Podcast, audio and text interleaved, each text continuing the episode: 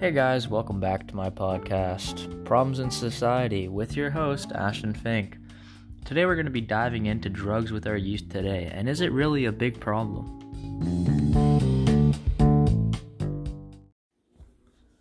Today we're going to be starting out with a little interview from a student from Carson Graham.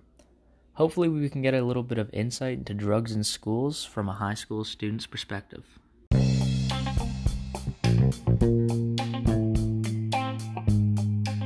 Do you think that drugs affect kids in school? Uh, yes, in a po- there is positives and negatives when it comes to drugs in school and young teens. Because for some people, it can help relieve stress and help them focus during class, but then for other kids, it can fully it changes their brain chemistry and it changes the way they learn and then teachers won't understand that and they won't tell people so they can't get the proper help that they need.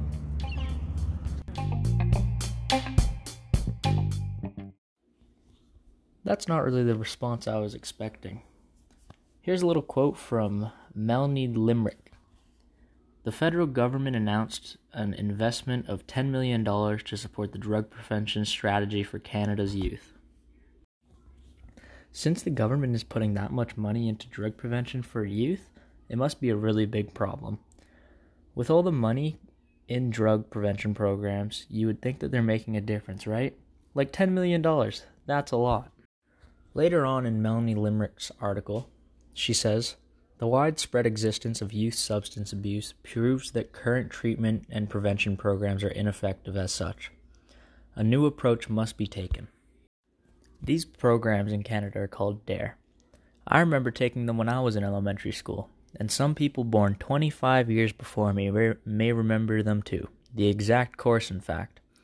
Since these courses haven't changed in over 25 years. The times have changed, but the things that we're teaching children haven't. Let's see if other youth think that drugs are a problem with youth today. Do you think drugs are a problem with youth today? See, I think drugs are a problem to the human body of a youth because their body is still developing, and drugs do not help that.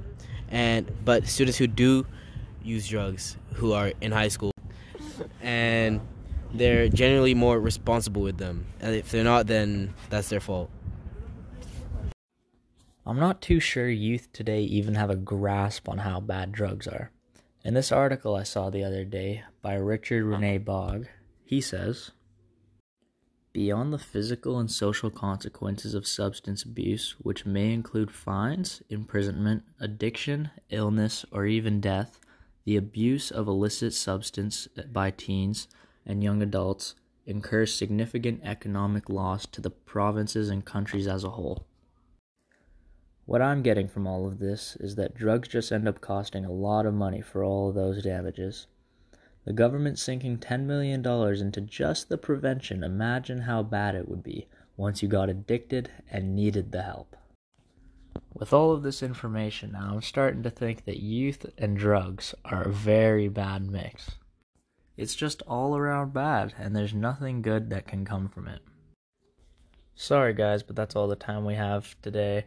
Sorry it was a little bit short, but I'd love to hear what you guys and gals have to say in the comments section down below, or you can email me at problemsinsociety at gmail.com. Just remember, make sure you research before you speak, and remember to stay away from drugs to give yourself a chance. Thank you and stay safe.